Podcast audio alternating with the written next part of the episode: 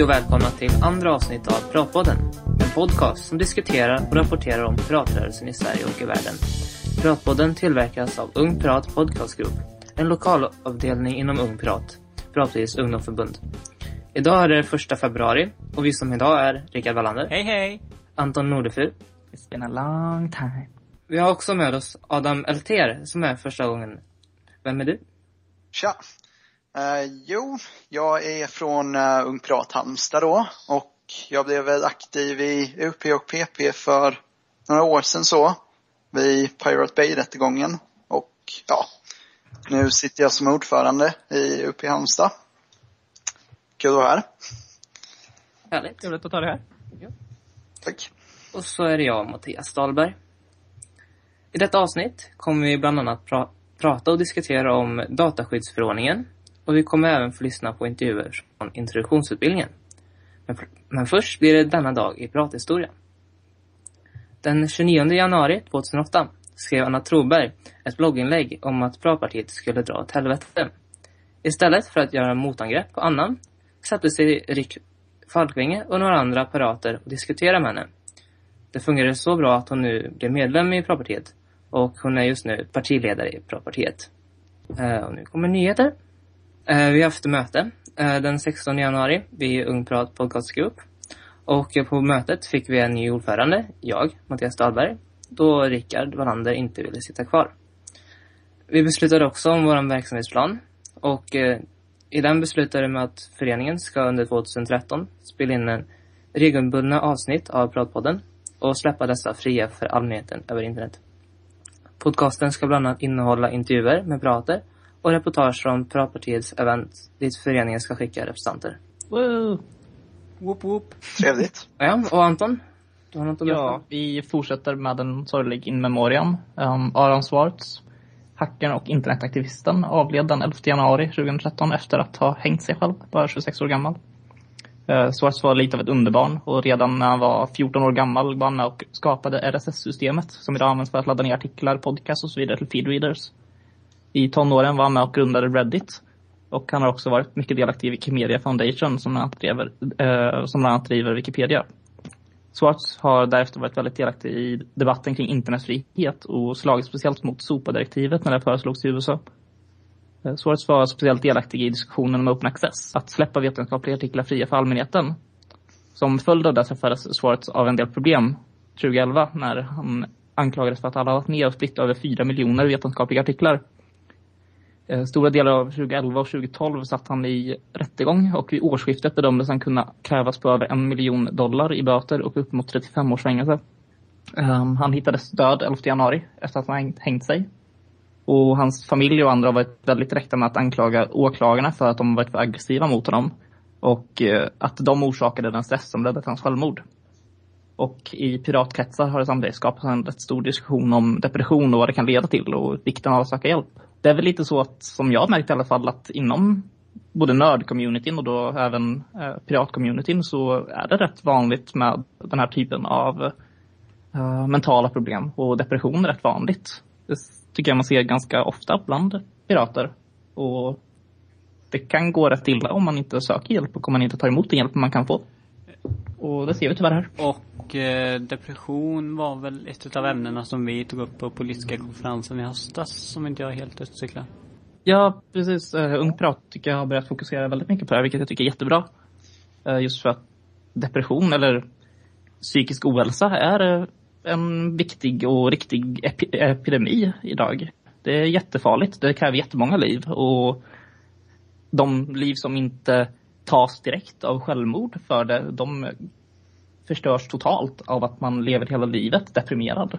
Och ja, det är ett väldigt aktuellt problem och jag tycker det är jätteviktigt att Ung Pirat har börjat prata allt mer om det och Piratpartiet också. Och det är ju jättebra att vi börjar stöta och blöta den här frågan så att den kommer upp i dagsljus så att säga. Verkligen. Det jag såg också på nätet som jag tyckte var rätt fantastiskt efter den nyheten. Det var ju att det skapades en hashtag på Twitter. Jag tror det var You have friends eller något sånt. Där folk kunde lägga ut eh, telefonnummer och Skype-namn och sånt för folk som är deprimerade och behöver någon att prata med. Ja. Och som det finns en Reddit-tråd. Han var ju med och grundade Reddit så det är väldigt lämpligt. Men det finns en Reddit, uh, säger man, sektion som heter uh, slash uh, Suicide Watch tror jag det är, Där man, man skriver om man känner sig deprimerad till exempel och nu är jag nära att ta livet av mig ungefär. Och folk hänger där och hjälper varandra och hjälper Hänger- även om man själv mår bra. hänger kanske inte var så bra ord. Hänger kanske inte var så bra ord i detta sammanhang. Ja, lite mörk humor kanske. Okej, man umgås där och ehm, hjälper varandra och liksom, nej, men snackar och man det är trevligt för på många delar av internet och i allmänheten också kan det vara såna här grejer med att någon skriver om jag mår dåligt, jag vill ta livet av mig och någon kommer dit och säger ja din jävla poser, du bara låtsas. Men som på ett sånt område, på ett sånt ställe, eh, på ett sånt forum så känns det som folk eh, eh som är där eh, är öppna med att jag mår dåligt, jag behöver hjälp, snälla finns här för mig. Och andra som är där är där för att de vill hjälpa andra. De, de tycker om att hjälpa sina medmänniskor och de vet att det är viktigt. Eh, så då ser man inte lika ofta, men när man hänger där ser man då och då att någon skriver ja men ta livet av dig då. Ingen behöver det i alla fall. Men de allra flesta svarar liksom. Ehm, tänk på hur mycket du har kvar att leva för. Tänk på att det här är bara en övergående fas. Det kommer bli bättre. Om du behöver någon att prata med, skriv till mig och så vidare. Liksom man ser en del som är, ja jag såg någon som liksom säger, ja men jag bryr mig inte om vilken stad du är, jag kan flyga dit och hjälpa dig. Det finns folk som väldigt öppet bara vill hjälpa varandra. Det är jättetrevligt. Det, man, man får lite, lite hopp för mänskligheten. Eh, och då ska vi väl gå över till lite mer glada nyheter, kan man väl säga. Eh, Ja. Kulturen, kulturkonsumtionen inom Sverige, eller ja, kulturkonsumtionen i allmänhet har ökat. Eh, och bland annat bio, teater och konsertbesök. För vi svenskar, vi lägger faktiskt allt mer pengar på kultur. Och under det senaste året så har konsumtionen av eh, kulturella tjänster ökat med hela 8 procent. Och då kan man ju ställa sig frågan, eh, är Netflix och Spotify eh, en bidragande orsak till detta? Eller vad tror ni? Det finns, um, dels finns det, det är flera olika rapporter, men det finns en bland annat om att biobesökare blir allt vanligare. Och det tycker jag var väl, jättehäftigt. Men det märker jag på mig själv. Jag brukade ju köpa jättemycket DVD och Blu-rays och sånt ett tag, men nu köper jag nästan aldrig det. Men jag går mycket oftare på bio, trots att det kostar mer med 3D och high-ref och sånt. Men det var också den om um, musikbolag får mer pengar, vilket är både bra och dåligt. För de sa det att jättestor del av det är på grund av Spotify och liknande. Och det är sådana tjänster där bolagen får väldigt mycket pengar för. De kan få um, enormt mycket av det som för besökaren är gratis. Bara att liksom gå dit och sen får man erbjuda, erbjudas lite reklam. Men det är också sådana tjänster där artisten kan få någonting. Um, Då måste det ju varit så att eh, skivbolaget tjänade en hel del när Bruce Springsteen var här i Sverige för att han lyckades ju faktiskt locka till sig 66 000 personer. Eh, men, men det är lite annorlunda för det är en konsert. Och konserten så får um, musikerna rätt mycket för. De får en ganska stor del av den kakan. Men Spotify-lyssnare och CD-skivsläpp och sånt, det får uh, skivbolagen en majoritet av pengarna för. Vilket försvaras med att de tillverkar skivan och det är de som är med och gör reklam för den och så vidare. Medan på en konsert så är det för själva musiken som står där och framför och då är det lite mer uppenbart det är han som gör jobbet, hon som gör jobbet. jo, precis. Så det är lite annorlunda på det här sättet. Det är därför jag tycker det är mycket viktigare att om du, om du tänker lägga en hundring på eh, kultur en månad, gå på en konsert, köp inte en skiva, gå på en konsert. För där får själva den som har gjort saken, det är den som får mycket mer pengar då. Slut. Och det är mycket roligare. Eh, och då hade du någonting där va, Anton? Känns som jag pratar hela tiden nu. Ja, eh, Pirate Parties International har nu meddelat att deras nästa konferens kommer att hållas i Kazan i Ryssland. Pirate Parties International är alltså den samarbetsorganisation som håller samman många av piratpartierna runt om i världen. Och det har varje år en konferens där delegater från olika länder träffas. Eh, PPI har fått en del kritik för att det redan i flera år har lovat att hålla en konferens utanför Europa. Men fortfarande har alla konferenser hållits inom Europas gränser. Tidigare har det legat i Belgien, Tyskland, Tjeckien och alltså nu i Ryssland. Eh, 2013 års konferens blir den första utanför EU, men det blir, ligger alltså fortfarande inom Europa, vilket fått en del kritik. Ehm, um, PPIs styrelse har svarat med att de försökt få tag på arrangörer utanför Europa, bland annat i Kanada och i USA, men det, men det inte funnits några frivilliga som uppfyllt kraven. Andrew Norton som var PPI-koordinator 2008 innan organisationen formellt grundades har dock kritiserat styrelsen för att de varit alldeles för dåliga med att söka arrangörer utanför Europa och att de bara haft det som en undanflykt att de inte ska, att de helt enkelt låtit bli att kolla. Och sen har de sagt att det inte kommit någon. Och i sin kritik har han bland annat sagt att I think it's hilarious that an international organization for a political group that campaigns on transparency and accountability is run with very little transparency and zero accountability. They bring a bad name to the pirate movement. Det har varit ganska extrem um, kritik. Vad tycker ni? Tycker, är det viktigt att ha det utanför Europa? Nej. Alltså, Min spontana reaktion. alltså min spontana eh, reaktion det är väl nästan att eh, det är väl viktigare med tillgängligheten i sådana fall. Ja. För Kazan, Ja, Kazan känns lite avlägset. Om man ska säga så. Sen är det ju så att eh, USA har ju en annan system än vi har. Det är inte så stort, bra partiet. Men Piratpartiet finns ju inte ens i Ryssland väl? Var det Jo, inte där, där de försökte Eh. registrera det men inte fick Jo, det på grund av precis. att de hade med pirat i namnet? Ja, Ja, precis. De har försökt flera år men inte blivit godkända av ryska myndigheter för att Ja. de har fel namn. Men ja, det är ett de väldigt finns ju men, Det är väldigt de aktivt parti. ju, Det är men de det är som det här. ett erkänt parti i alla fall. Så de kan ju inte ställa upp i val och så väl? Antar jag. Nej, det kan de Nej. inte. Men uh, där många ser det här som är, eller anledningen till att man vill ha det utanför Europa är för att man vill stimulera hur det är. Att det ska vara en cool grej för dem. Att vad den är, nu i Ryssland, så ska det vara wow, kolla här, vi är så viktiga så att vi har fått hit PPI. Och man tillkännager att det här är en riktig organisation och så vidare. Och de kan ju få en liten boost där. Och det är samtidigt media och sånt som, i Ryssland som tycker det är coolt och sånt. Så jag förstår det på det sättet. Men jag vet inte om Ryssland är rätt val för att det är väldigt långt ifrån oavsett var du kommer ifrån. Jag tyckte det var jättehäftigt om det hade varit i USA eller Kanada. För där finns det etablerade organisationer och det är väldigt många som kan resa dit. Um, både ifrån de USA har ju ett stort piratparti som inte är så väl organiserat och sen har de en, ett flertal olika där några är registrerade och några inte är det i de olika staterna. Så på det sättet så kan ju de resa från olika partier men inom samma kontinent. Precis som att i Europa så åker de ifrån olika europeiska länder. Men jag kommer ihåg i eh, PPIs mailinglistor och sånt när det här diskuterades så var det en del som tog upp att för någon som värnar om integriteten så är det inte jättesäkert att åka till USA ungefär. Uh, en del helt enkelt tog upp att jag vet inte om jag skulle kunna komma in där. För jag kanske skulle bli dömd för hackingbrott eller vad som helst. Det är del som har de rädslorna också. mm. Där USA aktivt är ute efter dem. Eller om det bara är paranoia. Men det spelar ingen större roll i läget. USA är inte jättevänliga mot turister i nuläget. Utan de är väldigt restriktiva med det. Då går vi vidare. Och eh, ni vet ju att eh, Piratpartiet klev in och tog över som internetleverantör till The Pirate Bay. Efter att leverantören Black Internet har stoppats av tingsrätten. Eh, men nu kommer en dokumentär om detta med namnet The Pirate Bay Away from Keyboard. Och eh, den kommer släppas den 8 februari klockan fem. Och då är det en livesändning från Berlins filmfestival. Och samtidigt kommer den att streamas på nätet och, och den kommer även göras tillgänglig gratis. I vår kommer den även sändas på SVT och BBC.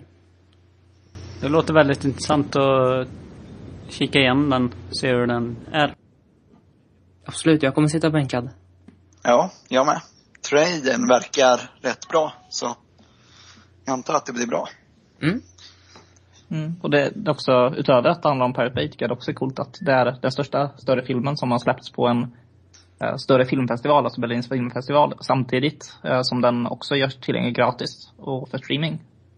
Det är ett väldigt bra exempel på hur film, ehm, hur filmmediet utvecklas och man öppnar upp mer för gratis nedladdning. Tycker jag är lite coolt. Coolt att de sänder den på SVT och BBC med ju. Ja men absolut. Det är lite mer etablerade medier liksom. Så att, ja, där medelsvensson kanske lättare kan se den ju. Ja precis, och då kanske det når ut till en större publik och vem vet, det kanske genererar medlem, mer medlemmar i Piratpartiet. Man vet aldrig. Tänkte också på det. Ja. Eh, Men Ja. om vi ska gå över till något som är faktiskt rätt så dagsfärskt. Eh, så är det Y-Wallet och eh, den nya betaltjänstlagen som trädde i kraft idag. Detta innebär ju att eh, man inte kommer kunna köpa sms-biljetter på till exempel bussen som vanligt. Utan att eh, man hos de stora etablerade trafikbolagen som till exempel Västtrafik och SL tvingas registrera sig. Eh, och det... Hur är det vi inom Piratpartiet ställer oss till det? Har- Har du koll på det Anton? Alltså, för det första så, just exakt om detta med vad vi tycker om Wild och liknande lösningar är ganska, ja det har vi inte bestämt någonting direkt om. Um, det har varit uppe för debatt ett par gånger med att vi skulle sätta på någonting med att vi kommer kräva att um, man måste kunna betala kontant överallt. Men det har inte gått igenom. Men det har varit uppe ett tag och det har väl varit lite kontroversiellt.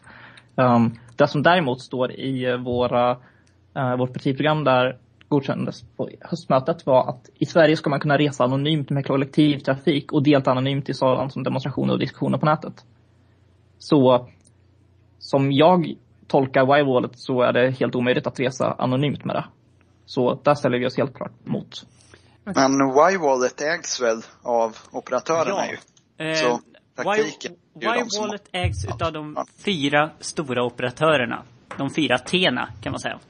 För bolaget som eh, operatörerna har bildat heter 4T. Och det kommer utav Telia, Telenor, Tele2 och 3. Vad kul att alla börjar på T. Ja, no pun intended liksom. Namnet. Och alltså, det är ju lite vad jag tycker är läskigast med detta. Att det är en helt ny betalningsmodell som har gjorts av fyra som håller ett enormt monopol i Sverige.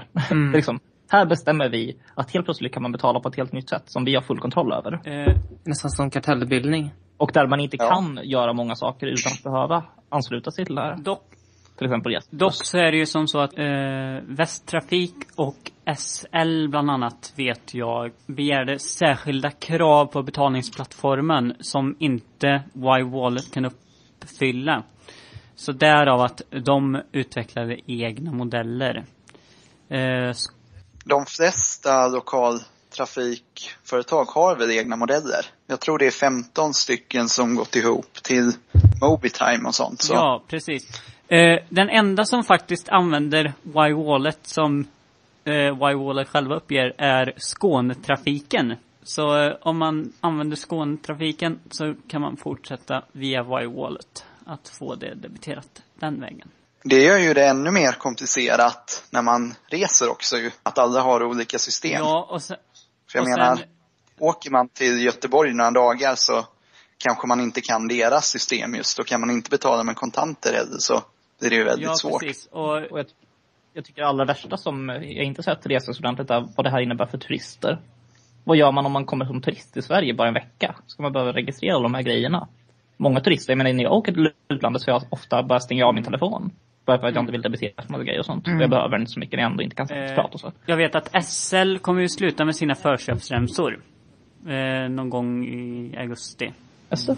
Eh, och istället bara köra sms-biljetter. Oj. Det har jag läst någonstans. Nej men sådana grejer är inte alls kul för någon som mig som liksom är i Stockholm en gång var tredje månad. Det var även, jag har faktiskt pratat med Y-Wallet och då sa den ansvariga där att om du är utländsk medborgare och eh, bor i Sverige så är det en lite krångligare procedur än om du hade vanligt, eh, varit svensk eh, medborgare. För då måste du skicka in ett visst formulär som du får från Y-Wallet plus en kopia på ditt pass och så måste du skicka in det till Y-Wallet och så måste du bli godkänd. Eh, istället för att, eh, ja. Eh, Betala vanligt, normalt med Precis. pengar. men eh, Telia eh, kunde i alla fall lova nu på eftermiddagen att eh, om man har ett vanligt mobilabonnemang så ska det inte vara något problem att rösta under Melodifestivalen då operatörerna, Ja men det är ju skönt. operatörerna själva debiterar denna summa. Det var ju en väldigt god Sverige är nyhet. räddat. Ja precis, nu är allt okej. Vi drar oss Ja. ur politiken. Man kan rösta på Melodifestivalen. Ja, underbart. Bra.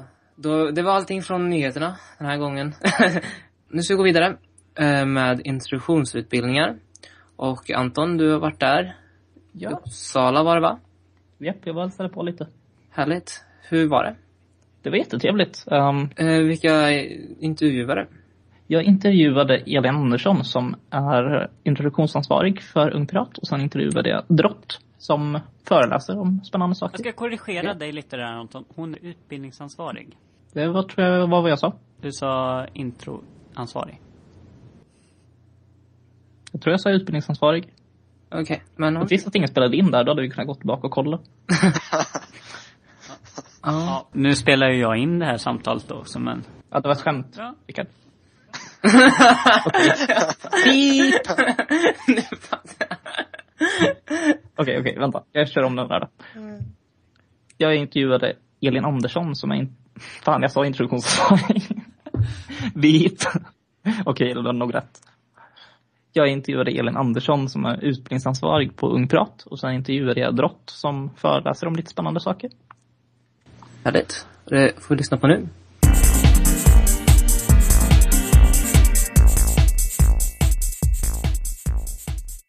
Välkommen till Piratpodden Elin Andersson som är utbildningsansvarig för Ung Pirat och Drott som föreläser om saker.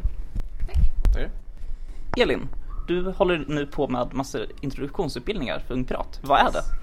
Det är en eh, asbra idé som handlar om att eh, aktivera och etablera nya medlemmar i förbundet. Folk som eh, har liksom varit medlemmar och bara, eller precis blivit medlemmar och tänker typ Alltså jag vill göra någonting, eh, men vem ska jag prata med? Jag vet inte hur man gör. Vart får jag tag på flygblad? Eh, vad, vad är arbetsgrupper för någonting? Hur startar jag min egen lokalavdelning? Det är sådana frågor som vi vill svara på här. Eh, så vi har eh, en hel helg i Uppsala med eh, föreläsningar och eh, diskussioner och lekar och vi äter jättemycket eh, och sover på ett vandrarhem här och alla umgås jättemycket i en helg och så eh, hoppas vi att eh, alla kommer härifrån som nya coola Ungprat-medlemmar som verkligen vet hur man får det här förbundet att synas. Efter den här utbildningshelgen så brukar vi eh, ta med oss de flesta av deltagarna och så åker vi till Bryssel. Vi flyger ner eh, på måndag morgon och eh, glider runt i Europaparlamentet och träffar alla våra eh, coola medarbetare där. Där brukar vi träffa Amelia och Christian Engström, våra EU-parlamentariker. Och vi eh, får lyssna på föreläsningar från dem och eh, en reklamföreläsning från EU-parlamentet. Och Därefter så eh, käkar vi middag på eh, någon schysst restaurang och eh, får sällskap, ofta av många av de som arbetar på Amelias kontor till exempel. Ehm, de brukar följa med och sen eh, tar vi så här en rundtur i Bryssel, eh, kollar på coola gamla hus och sånt som man gör eh, och sen flyger vi hem igen på tisdag morgon. Eh, och eh, ja, de, de funkar jättebra. Eh, vi har fått in jättemånga eh, nya medlemmar som så här, verkligen har liksom etablerat sig i förbundet och på kongressen till exempel så är ju mer än hälften av eh, eh kongressombuden är folk som har varit på eh, eller med på eh, utbildningarna. Så det funkar bra. Mm, Den bästa delen av utbildningen är alltid efterspelet. Att träffa alla, människor, alla deltagare igen och se vad de har gjort. Och De har alltid gjort massor av awesome saker. Startat upp nya projekt, nya föreningar, värvat nya människor, gjort nya intryck. Så man märker att, ja, vi gör skillnad här. De gör skillnad. Jag är så stolt över dem. Så Drott, vad gör du på utbildningarna? Jo, Jag föreläser om retorik och aktivism i ungefär den ordningen. Det låter spännande. Det vill säga, hur pratar man med folk? Vad ska man tänka på när man är aktivist där? Vad ska man försöka undvika när man pratar med folk och aktivister? Och mest av allt, hur förändrar man världen? Och kasta apelsiner. Alltid apelsin. Apelsiner är bra. Hur brukar responsen till de föreläsningarna vara? Tänk att Ung Pirat till skillnad från Piratpartiet är ju vad ska man säga, politiskt på ett annat sätt lite. Och det, är- jag, jag stöter i alla fall inte på lika många som är superduper intresserade av politik. Utan det kan vara mer, man delar ideologin och är inte så insatt i själva politiken på samma sätt. Mm, Alltid typ beror på, på de enskilda deltagarna. Vissa är intresserade av miljöpolitik, andra av sociala frågor och andra av upphovsrätt. Så den respons man får beror på var de kommer ifrån. Mitt, för, mitt generella försök att prata om det de är intresserade av, stötta dem i den riktningen och se till att yes, du är intresserad av det, prata med de här människorna, du är intresserad av det, prata med de här människorna. Du är intresserad av allt, prata med mig. Och de som inte är intresserade av någonting då? Jo, de brukar bli intresserade av något när de väl fått höra saker och ting. Härligt. Saker och ting blir bara intressanta när man har hört dem andra gången. Så det gäller att komma förbi den första gången. Minst en gång. Det är därför vi börjar med att ha en lång genomgång av eh, vår politik eh, och den pol- poli- politik som eh, vi driver med Piratpartiet. Ehm, där vi går igenom eh, hela upphovsrättssystemet eh, liksom, systemet och hur det funkar och vad man argumenterar för och emot. Samma sak med patentsystemet och vad det har för effekter på världen och hur vi tycker att avskaffa är det enda rimliga. Eh, och hur vi känner för internet eh, och för, för utbildning och eh, vår människosyn och ja, hur vi vill att liksom en framtida värld skulle se ut. Eh, och då brukar de flesta få tillräckligt på fötterna för att veta vad vi, vad vi står för. Och många känner ännu mer efter att de har varit här att de är, eh, har valt rätt ungdomsförbund. Och Drott, när du gör tumme upp funkar jättebra i en podcast. Kroppsspråk är A och O. 95% av kommunikation är kroppsspråk. Förutom i ljudformat. Det är därför folk typ inte hör dig i den här intervjun. Jag är väldigt. Ser Ja. Precis. Och du säger att de flesta, eller alla, märker att de älskar Ung Pirat mer. Blir det fall där de inser att det här var helt fel förbund? Så att det någonsin på de människorna i utbildningarna? Ehm, det har hänt. Ehm, jag, in, jag tror inte att vi har skrämt bort någon. men jag tror att, ja men det, det har hänt att det, det, det finns de som har eh, liksom ångrat sig lite. Att inte tyckt att eh, det här var för dem. Ehm, men eh, nästan är de bedövande positiv respons från eh, nästan allihopa. Ja, responsen, vad, är det, vad tycker folk i övrigt? Vad är det de gillar? Vad är det de ogillar? Jag brukar likna de här utbildningarna lite som att åka på en klassresa fast med massa människor man inte känner. Eh, vi liksom är generellt i samma ålder. Eh, vi har mycket gemensamt med eh, hur vi gillar internet och alla är så här, ändå ganska nördiga liksom. Och att vi har den här politiken och den här synen på världen gemensam. Och Ehm, det brukar liksom räcka för att de, de som är här ska få gemensam grund och liksom lära känna varandra. Man lever ändå ganska tätt inpå eh, när man delar rum och sådär. Så att det blir, man blir liksom varandras bästa kompisar för en helg. Och eh, eh, man lär sig så mycket nya saker, man skapar så nya, många nya kontakter och liksom skapar nya relationer så att många eh, just den här helgen är nog den, en av de viktigaste helgerna som har hänt för många. Det är många som säger att eh, att de, de har förändrats väldigt mycket av bara en helg här. Mm, det kan vara lätt att känna att man är ensam med- med sin åsikt som pirat. Det kan kännas som att men jag är den enda på min ort som är pirat. Då kanske det känns att men det finns ingen annan här i världen. Och så kommer man hit så bara Hjälp, det är jättemånga. Wow, awesome. Och de tycker som jag, jag behöver inte förklara mina frågor. De utgår från samma sak som jag. Mm. Wow.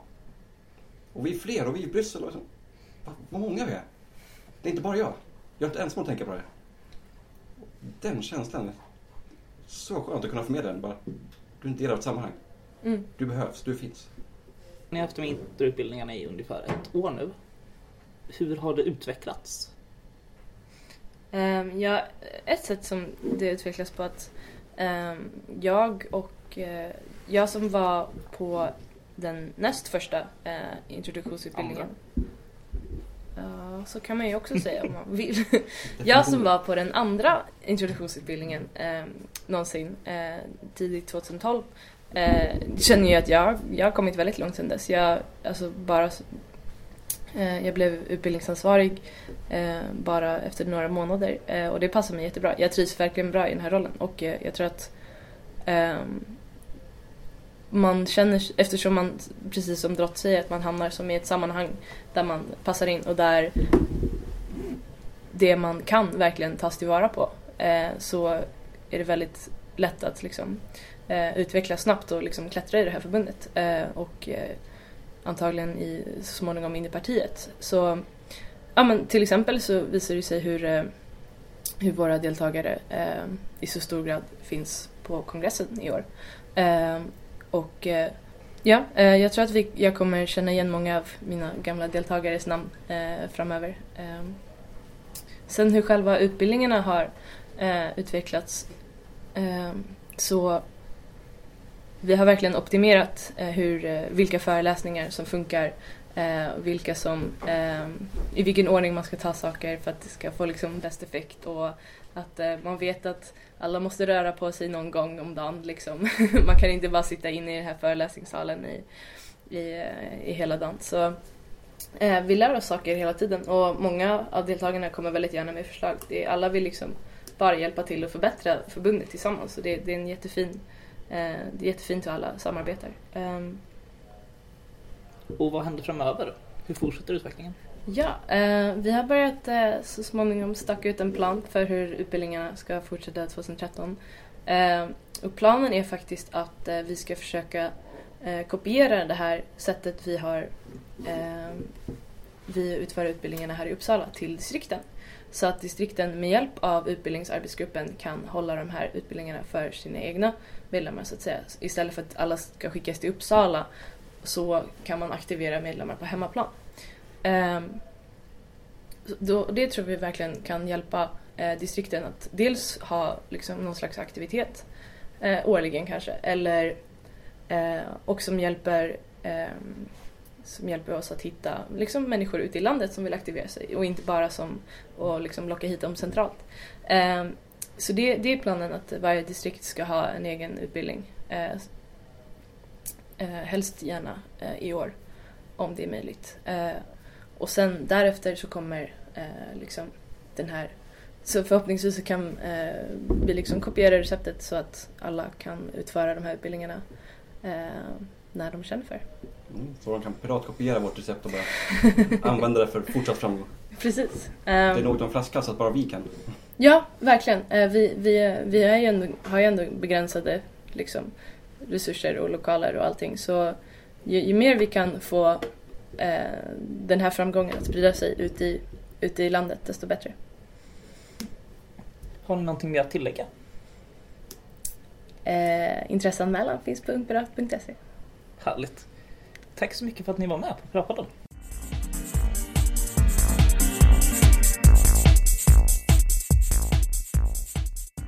Tack Anton för den intervjun.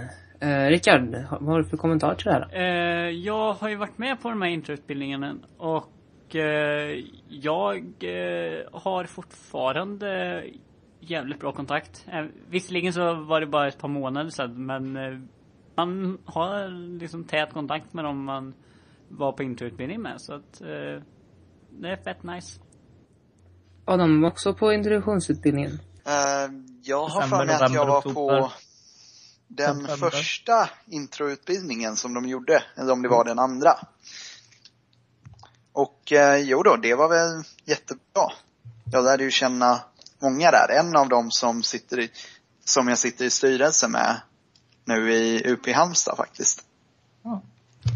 Så ni rekommenderar andra att också gå på den här? Absolut. Definitivt. Härligt. Det är faktiskt en jättebra utbildning och um, både de som har varit med lite längre men kanske inte har kommit in ordentligt i det eller de som och vill aktivera sig mer och de som är helt nya. Det är jättekul och man träffar massa vänner och sånt. Så det är jättetrevligt. Härligt. Är vi klara på den här så går vi vidare till eh, dataskyddsförordningen. Och där har vi intervjuat Plux Stare som är pröpartiets ansvarig för kampanjen kring det.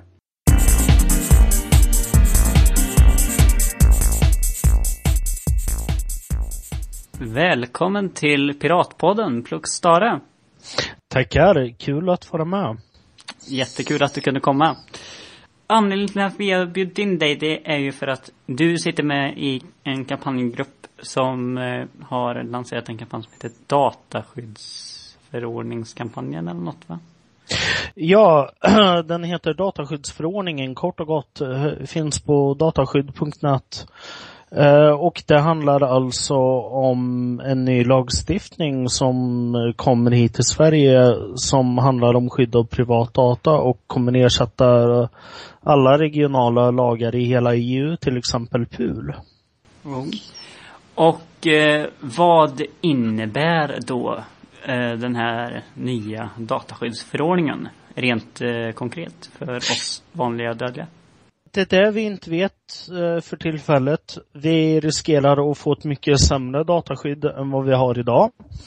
Eh, lagen som sådan är inte färdig ännu utan man håller på att behandla den i Europaparlamentet för tillfället. Eh, och det kampanjen vill förhindra är just att vi får ett mycket sämre dataskydd än vad vi har idag helt enkelt. Mm. Eh, hur kan man som egen person eller ja, privatperson förändra att, eh, dat- dataskyddsförordningen blir till det bättre så att säga? Eh, de två viktigaste sakerna man kan göra som en enskild eh, person är att eh, dels skriva insändare till sin lokaltidning eh, för att väcka debatt. Eh, men också skriva till sina EU-parlamentariker och förklara varför man inte vill ha ett sämre dataskydd. Eh, och det här är någonting vi har material om på dataskydd.net också. Så vad kan man säga rent generellt? Eh, är, det, är det någon sån här markant skillnad som kommer vara eh, vad ska man säga? Kom, kommer jag som privatperson att märka någon markant skillnad när den nya dataskyddsförordningen slår igenom? Ja, om vi får ett mycket sämre dataskydd så kommer, kommer man märka det som privatperson på flera sätt. Eh, till exempel att eh, företag eh, riskerar att kunna sälja din privata information på hur de vill och göra vad de vill med den, vilket de inte kan idag angående med, på grund av PUL. Så du menar alltså att med hjälp av eh, dataskydds... Den, om vi nu skulle införa dataskyddsförordningen så skulle det, vi som privatpersoner få ett sämre skydd? Eh, som det ser ut idag, ja. Eh, men det är fortfarande inte för sent att agera. Eh, vi måste visa för EU-parlamentet att eh, vi inte accepterar som medborgare att vi får en, ett sämre dataskydd än vad vi har idag helt enkelt. Om man säger som så här, eh, har man rätt att begära ut eh, persondata när den här nya dataskyddsförordningen eh, trädde i kraft? För det har man ju idag.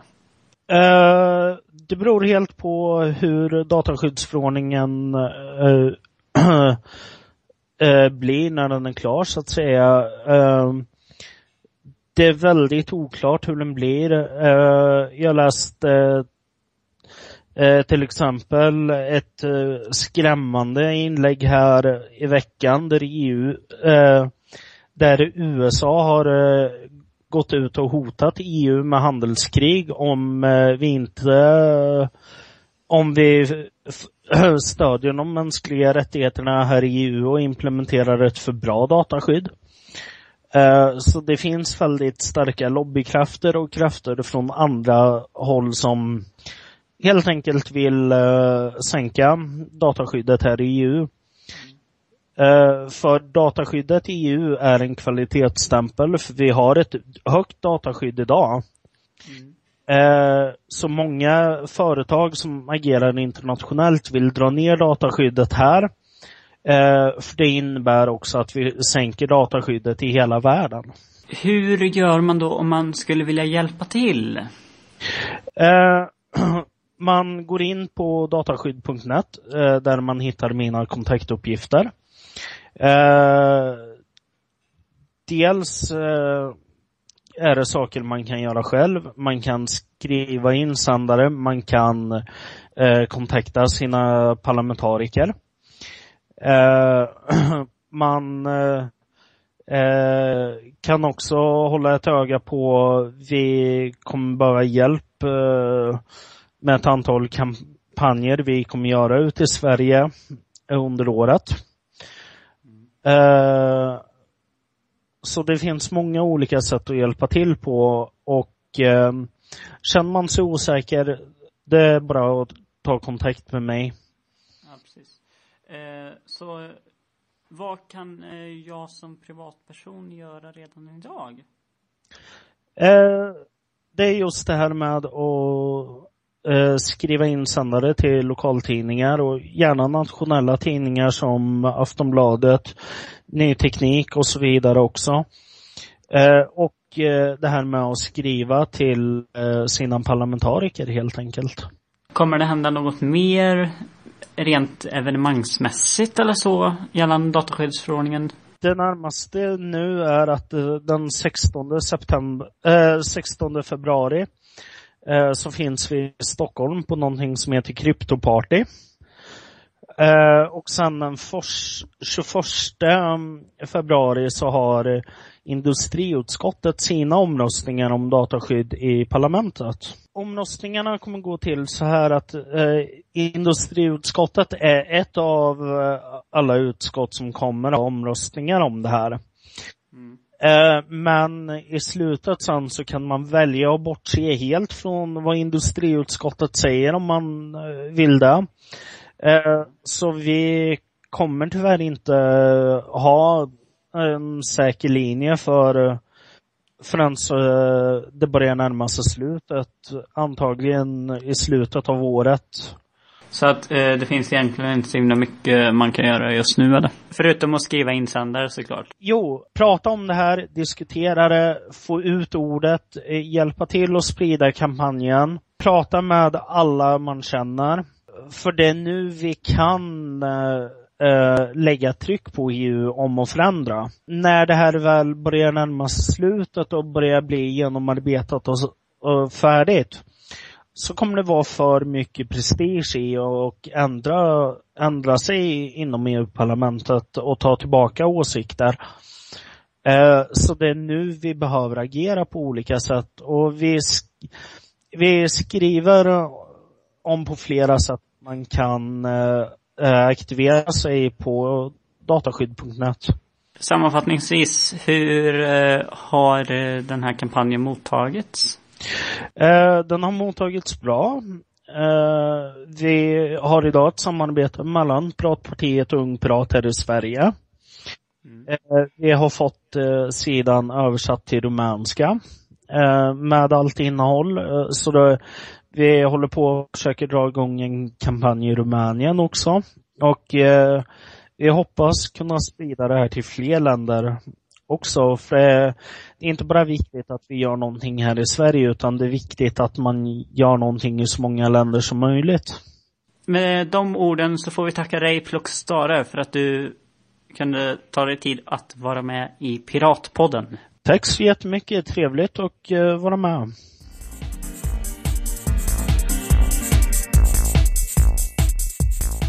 Ja, under den intervjun så gick Adam på och drack vatten.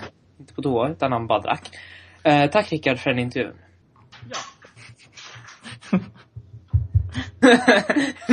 jag undrar lite varför han varför just Rumänien inte alla ställen? Så ja, jag är tillbaka. Härligt. Välkommen. Välkommen tillbaka. Det var inte så att du bröt upp en diskussion eller så? Ja, förlåt.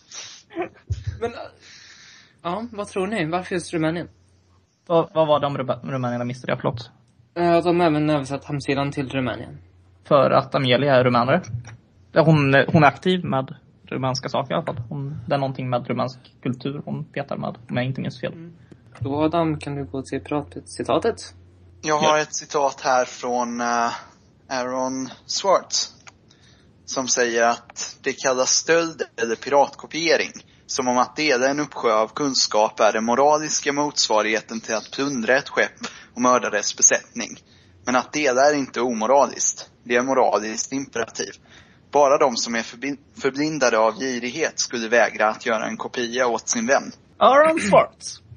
Ja. Bra. det var allt för denna avsnitt av Pratpodden. Håll utkik på pratpodden.unprat.se för nästa avsnitt. Eh, som nu kommer ut framåt mitten av februari. Hejdå. Hejdå. Hejdå. We had a chance.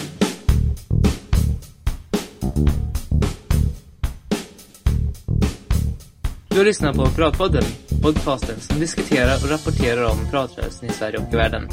Har du tips, frågor eller annan feedback? Kontakta oss genom vår hemsida, pratpodden.ungprat.se. Pratpodden tillverkas av Ung Prat Podcastgrupp, en lokalavdelning inom Ung Prat, Pratpartiets ungdomsförbund. De åsikter som uttrycks på podcasten återspeglar inte nödvändigtvis Ung Prats eller Pratpartiets. Vill du stödja oss? Du kan bli medlem i Ung Prat Podcastgrupp helt gratis. Kolla in vår webbsida, pratpodden.ungprat.se för mer information. Musiken som spelades gjordes av Kevin McLeod och Frank Norra och är släppt under Public Domain. Denna podcast i sin helhet är tillgänglig under Public Domain. Med andra ord, du får göra vad du vill med den.